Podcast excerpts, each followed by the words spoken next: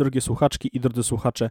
W opinii historyków elekcja w roku 1697 jest najbardziej skorumpowaną polską elekcją. Bez królewie po śmierci Jana III Sobieskiego obnażyło wszystkie bolączki jego panowania oraz pogłębiło kryzys, który dotknął Rzeczypospolitą w 1648 roku. Do walki o tron po Sobieskim stanęło wówczas wielu zagranicznych książąt, a obce dwory nie szczędziły pieniędzy, aby wesprzeć swoich kandydatów. Niespodziewanie wygrał jednak Fryderyk August I, elektor Saksonii, w Rzeczypospolitej znany jako August II Mocny. Jak doszło do tego, że to właśnie elektor saski został królem Polski i wielkim księciem litewskim? Drogi słuchaczu, zatrzymaj się i usłysz historię. Sezon trzeci. Podcast współtworzony z portalem historykon.pl. Poczet królów Polski oczami ich redaktorów.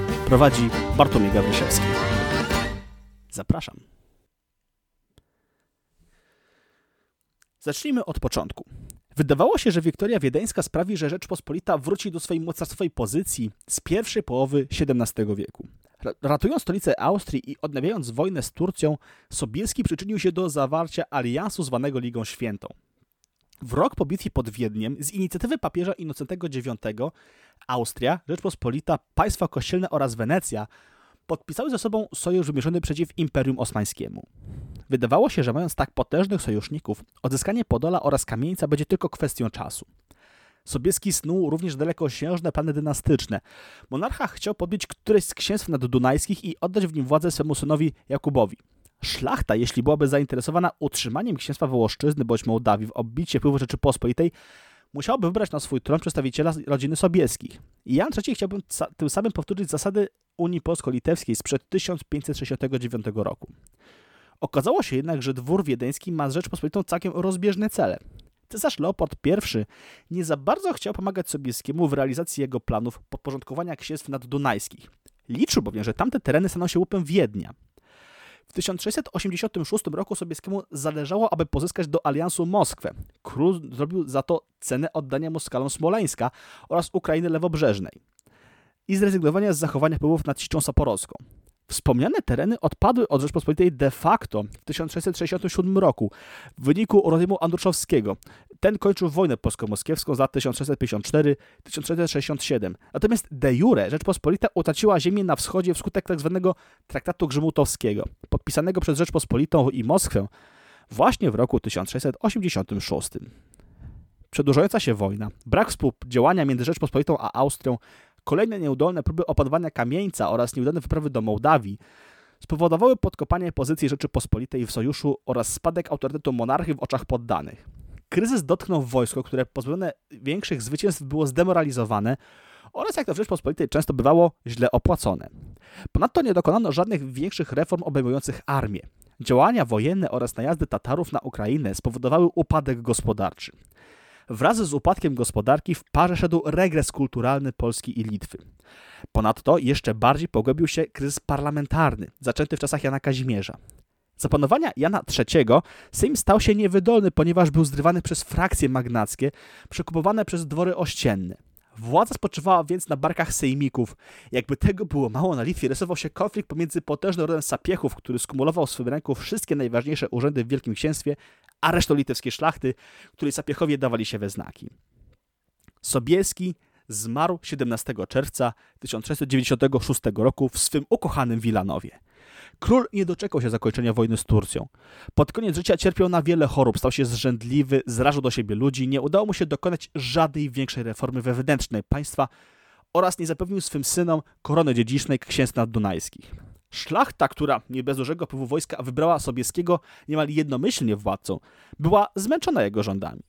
Duża część herbowych pobierała wówczas pieniądze z kiesy zagranicznych ambasadorów. Bez królewiec powiadał się więc bardzo niespokojnie. I ledwie stary król zamknął oczy, a do walki o wielkie sumy rzuciła się eks-królowa Maria Kazimiera oraz najstarszy syn Jakub. Zgorszył opinię publiczną ten spór między matką a dzieckiem. Rozpoczęła się również walka stronnictw politycznych, które agitowały na sejmikach. Poważnym stronnictwem okazali się lubomirscy na czele z marszałkiem sejmowym Herakliuszem oraz podskarbiem Hieronimem. Ponadto stronnictwo lubomirskie popierane było przez równie potężnych sieniawskich oraz potockich. Sobiescy byli podzieleni, co nie przysparzało im popularności. Maria Kazimiera rozważała nawet poślubienie starego hetmana wielkiego koronnego, Stanisława Jana Jabłonowskiego, który popierał jej poczynania, a mariaż z nim miał ułatwić Jabłonowskiemu sięgnięcie po koronę. Przed Sejmem Konwokacyjnym, który zwołano na 29 sierpnia 1696 roku, lubomirscy ostro występowali przeciw Sobieskim na sejmikach, stosując przy tym tanią demagogię i strasząc szlachtę, że rodzina zmarłego króla dybie na ich wolność. Ponadto zarówno Hieronim, jak i Stanisław Herakliusz zdecydowanie domagali się wykluczenia z walki o tron rodzimych kandydatów. Odpowiadało to nastrojom szlachty, której część jeszcze pamiętała rządy Michała Korybota Wiśniewieckiego, o którym mówiłem w poprzednim odcinku, oraz Jana III. Herbowi byli przekonani, że dawny blask Rzeczypospolitej może powrócić kandydat ze znaczącej dynastii europejskiej. Lubomirscy próbowali również zabezpieczyć w Zamku Warszawskim skarby po zmarłym królu, jednak Jakubowi Sobieskiemu udało się położyć rękę na majątku ojca i podzielić skarby między rodziny. Obrady Sejmu Konwokacyjnego zdominowały też doniesienia o zawiązanej wojskowej konfederacji pod wodzą Piotra Baranowskiego. Wybitny znawca tamtych czasów, Kazimierz Pybarski, twierdził, że konfe za konfederacją stali lubomirscy. Świadczyć o tym miał fakt, że żołnierze pustoszący dobra szlachty mieli oszczędzić właśnie ich majątki. Z kolei Andrzej Lincz-Neczkowski twierdzi, że nie wiadomo, kto na 100% stał za Konfederacją. Oba badacze twierdzą jednak zgodnie, że Konfederacja była Lubomirskim bardzo na rękę. Za koroną ręka w rękę poszła Litwa, gdzie również nieopłacony żołnierz zawiozł Konfederację. Sytuację na Litwie zaogniał dodatkowo konflikt tamtejszej szlachty z sapiechami. Napiętą sytuację w wojsku próbował wykorzystać Maria Kazimiera i Jabłonowski, którzy chcieli przeciągnąć konfederatów na swoją stronę. A zarówno Lubomirscy, jak i eks-królowa oraz hetman wplątali się w niebezpieczną grę, bowiem lojalność wojska była niepewna. Ostatecznie hetman Wielki dzięki pieniądzom Sobieskiej przekupił żołnierzy i doprowadził do rozwiązania Konfederacji 11 maja 1697 roku. Lubomirscy natomiast próbowali przekonać szlachtę, że za konfederatami stali Sobiescy, którzy za pomocą żołnierzy chcieli im szkodzić. Wróćmy jednak jeszcze do Sejmu Konwokacyjnego, bowiem ten został zerwany 27 września 1696 roku, najprawdopodobniej z inspiracji Marii Kazimiery. Kolejny termin wyznaczono na 15 maja 1697 roku. Zerwanie Sejmu Konwokacyjnego było przypadkiem bezprecedensowym w losowej historii Rzeczypospolitej i świadczy o upadku kultury politycznej elit rządzących krajem. Przybliżmy zatem sylwetki kandydatów. Mimo postulatów lubomirskich o wykluczenie z kandydatury na tron królów rodaków, Jakub Sobieski rozpoczął starania o koronę. Sobieskiego pobierał dwór wiedeński, który widział w nim kontynuatora polityki ojca poprzez trwanie w Lidze Świętej. Prócz poparcia w Wiedniu, Sobieski szukał również pomocy w Berlinie i Sztokholmie. Profesor Jacek Staszewski twierdził jednak, że Sobieski już na początku popełnił wiele błędów, które uniemożliwiły jego wybór. Przede wszystkim Królewicz zbyt mało działał energicznie, a na jego zły wizerunek miał konflikt z matką Oskedę po zmarłym Janie III. Dwór w Wiedniu w razie fiaska kandydatury Jakuba Karola Neuburskiego oraz księcia laterańskiego również Karola. Dopiero czwarty w kolejce był Fryderyk August, elektor Saksonii. Kolejny w walce o polsko-litewski tron był Maksymilian Emanuel Bawarski, mąż Teresy Sobieskiej, którego kandydaturę pobierała Maria Kazimiera. Jednak ten dość szybko zrezygnował z ubiegania się o koronę Polski, ponieważ otworzyła się przed nim możliwość objęcia tronu w Hiszpanii. Dwór berliński, mimo poparcia udzielonego Sobieskiemu, nie do końca mu ufał, ponieważ Jakub układał się również ze Szwedami i w razie sukcesu obiecywał im skrawki terytorium, którym zainteresowana była również Brandenburgia. W sytuacji tej elektor brandenburski zaproponował kandydaturę Ludwika Badeńskiego. Elektor Badeńczykowi obiecał wypłacić 5 milionów talarów, jednak problem był w tym, że Badeńczyk nie miał w Rzeczypospolitej silnego stronnictwa.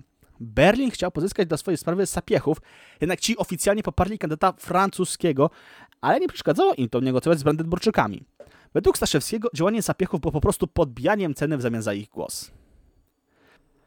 W przypadku stronnictwa francuskiego trzeba się trochę rozgadać i opowiedzieć, dlatego, że stanowiło ono realną siłę, a jego kandydat był faworytem do objęcia tronu Rzeczypospolitej. Za kandydatem francuskim opowiadało się Stronnictwo Lubomirskich oraz prymas Michał Radziejowski, słyn, słynnego zdrajcy czasów potopu.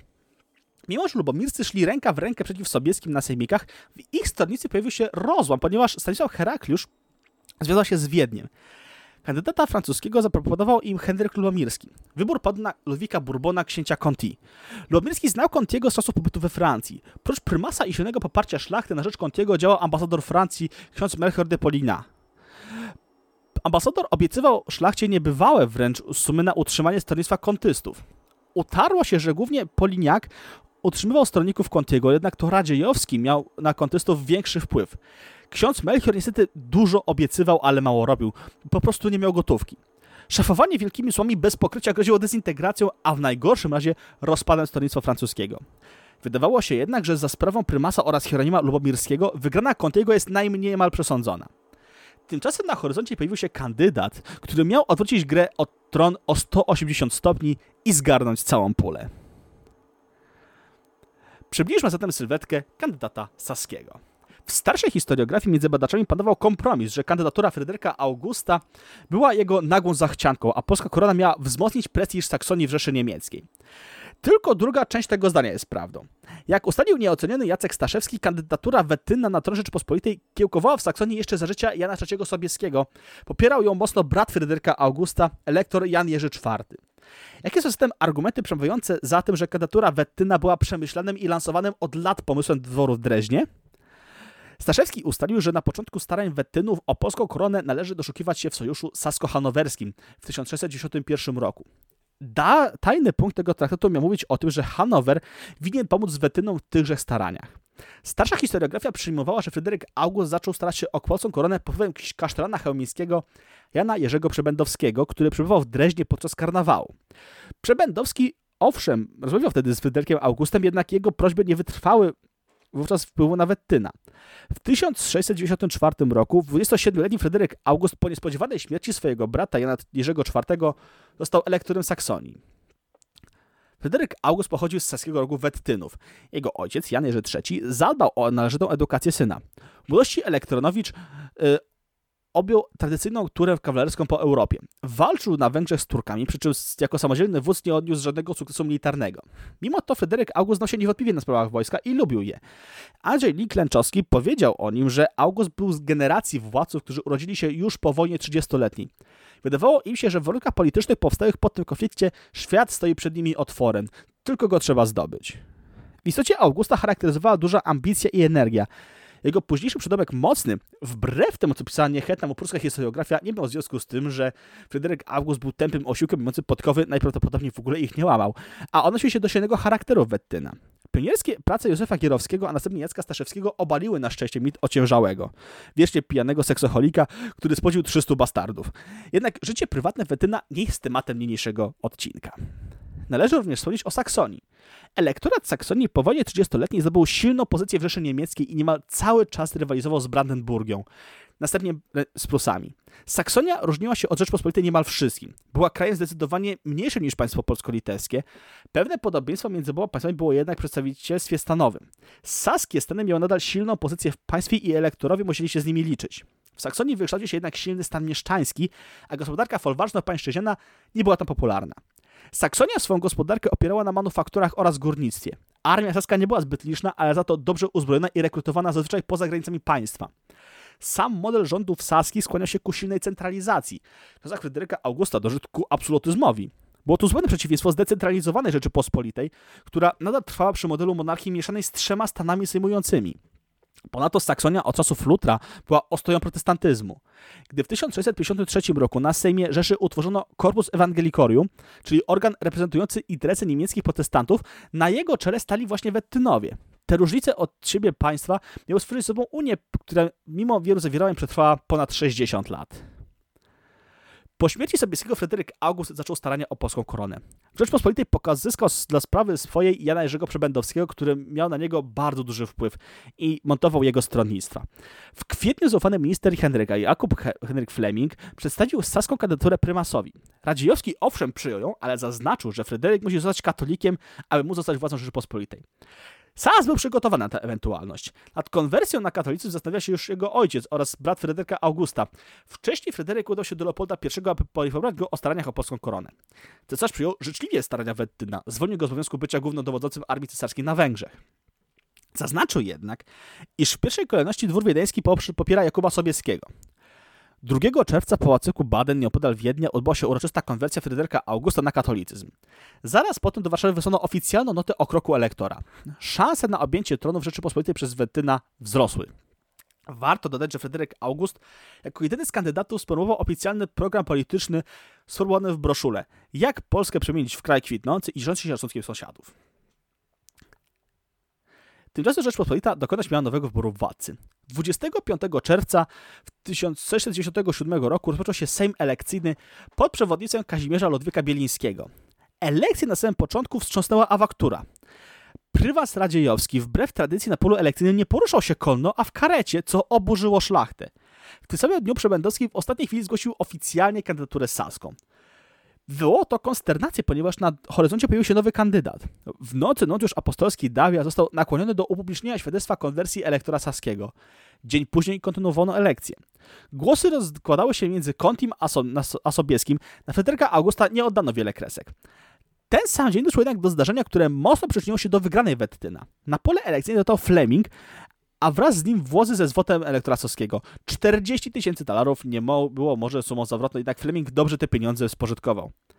Fryderyk August zaciągnął pożyczkę u żydowskiego bankiera Bernarda Lechmana, który w 1721 roku, działając z inspiracji Prus, sprowokował aferę, w wyniku której Augusta oskarżono potem zupełnie bezpodstawnie o chęć rozbioru Polski. Jak mówi sobie, Polak głodny, Polak zły. Fleming przeciwieństwo Poligniaka nie szafował sumami bez pokrycia, tylko napukował szlachcie jadła i napitków, po czym przekupił szlacheckie serca oraz napełnił puste brzuchy. Wbrew temu, co utrwaliła starsza historiografia, szlachty nie przekupili Moskale. O udziale Moskwy w tej elekcji będzie za chwilę. A właśnie Sasi. Szlachta nie za bardzo mogła pojąć, dlaczego elekcja została przerwana dzień wcześniej. Odpowiedzi panom braciom dał prymas Radziejowski, który umyślił sobie, że każda następna elekcja powinna mieć swoją patronkę. Prymas na patronkę obrał świętą Felicissime, dla której robotnicy budowali ołtarz w kościele Świętego Krzyża. Zwlekali on jednak z pracami i dopiero na 27 czerwca zaplanowano poświęcenie ołtarza. Dzięki tej jednodniowej zwłoce Sasi zdążyli przekupić szlachtę, a Nucjusz oraz biskup Pasawy rozpowszechnili informacje o konwersji Wetyna. Jak widać, Fryderyk August miał niebywałe szczęście.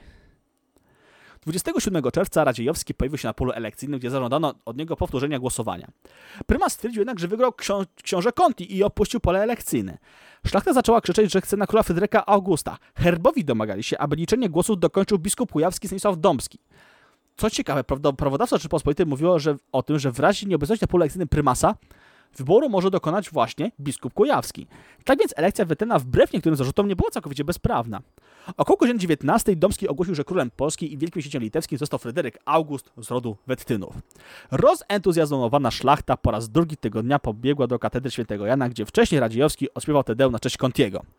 W katedrze Fleming zaprzysiągł, że Fryderyk August zaprzysiągnie pakta konwenta, których nie było czasu sporządzić.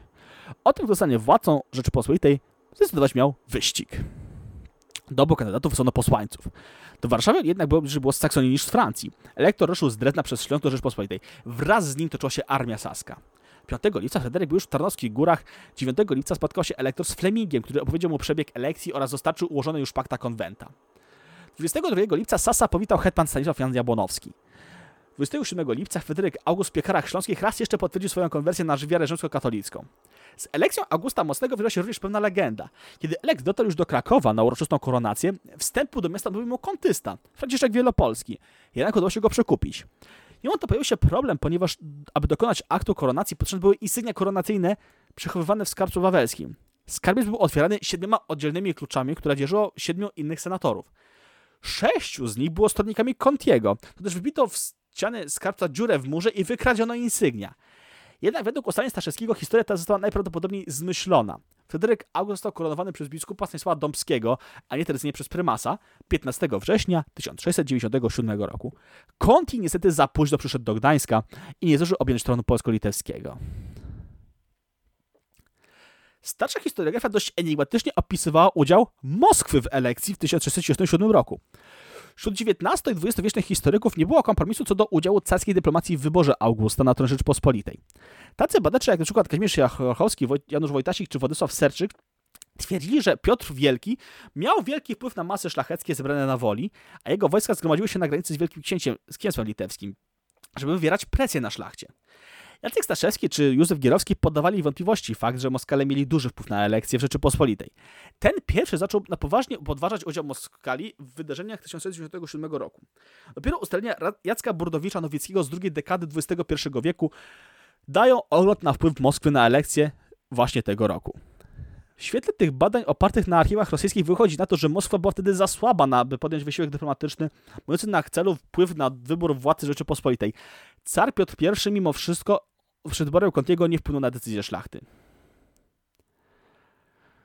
Jak wiadomo, od 1686 roku Moskwa znajdowała się w Lidze Świętej przeciwko Turcji. Jej interesy w tej części Europy były na pierwszy rzut oka zbieżne z Rzeczpospolitą i Austrią. Stosunki polsko-moskiewskie regulował wówczas traktat Rzymu Gotowskiego. Moskwa przeżywała polityczną izolację, a ponadto po śmierci cara Aleksego Michajłowicza rządy regencyjne sprawowała jego córka Zofia oraz jej faworyt Wasyl Golicyn. Mimo to trwania w Lidze Świętej i pozycja Moskwy w Europie była bardzo zła.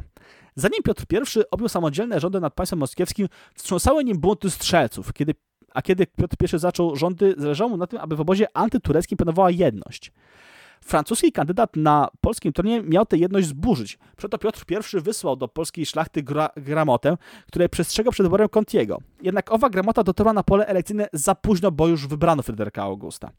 Moskale, w przeciwieństwie do drugiej połowy XVIII wieku, nie mieli wobec Rzeczypospolitej ustalonej jakiejś konsekwentnej linii polityki zagranicznej.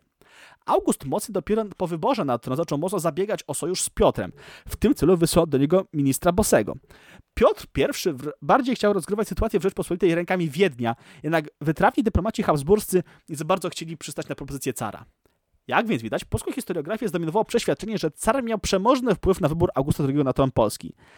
Zapewne dzieje się tak już z powodu nieznajomości przez starszych historyków dokumentów rosyjskich oraz patrzenia na stosunki Augusta i Piotra przez pryzmat niefortuny dla tego pierwszego wojny północnej.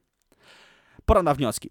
Elekcja oraz bezkrólewie roku 1697 obnażyły upadek kultury politycznej wśród polsko-litewskiej szlachty. Zerwanie Sejmu Konwakacyjnego świadczyło o tym, że kryzys parlamentarny przebiega bardzo niebezpieczne rozmiary. Cóż, Staszach Caski osiągnął apogeum. Patrząc na sumy wydawane przez obcych ambasadorów na rzecz swoich kandydatów, śmiało można zgodzić się z tezą, że elekcja tego roku była najbardziej skorumpowaną elekcją w historii Rzeczypospolitej. Co ciekawe, August II, mimo że władzę zdobył w dość kontrowersyjny sposób, był ostatnim królem Polski w Księciu Litewskim nie narzuconym przez państwa ościenne. Wybrany suwerenną decyzją szlachty. Chociaż miał on duże ambicje, jego panowanie zapowiadało się całkiem nieźle. Nie zapisał się w historii Polski złotymi zgłoskami. Król wplątał się w wiefortunną wojnę ze Szwecją, która przyniosła Rzeczpospolitej kolejne zniszczenia, podobne do potopu szwedzkiego. Następnie w kraju wybuchła wojna domowa między zwolennikami Sasa a konfederami tarnogrodzkimi. Pacyfikacja doszła do skutku dopiero na tzw. Tak niemym Sejmie w 1717 roku. Po pogodzeniu się, że szlachtą August II porzucił sobie pomysły zreformowania ustroju Rzeczypospolitej i zaczął politykę tzw. Tak łagodnych rządów. Spokojne lata drugiej części panowania Augusta II przyniosły Rzeczypospolitej wytchnienie i początek odbudowy gospodarczej oraz kulturalnej. Ich apogeum przypadł na czas panowania jego syna Augusta III. Zbiegło się to jednak z i kompletną niewydolnością Sejmu oraz większym uzależnieniem od Rosji. Jak to się skończyło? O tym opowiem Wam już za tydzień. Wysłuchaliśmy artykułu znanego już w naszym podcaście Jakuba Jędrzejskiego pod tytułem Elekcja w roku 1697, czyli jak August II Mocny został władcą Rzeczypospolitej. Skoro zakończy się artykuł, to nasze spotkanie z historią dobiega końca. Pamiętajcie, te historie tworzymy my wszyscy. Do usłyszenia.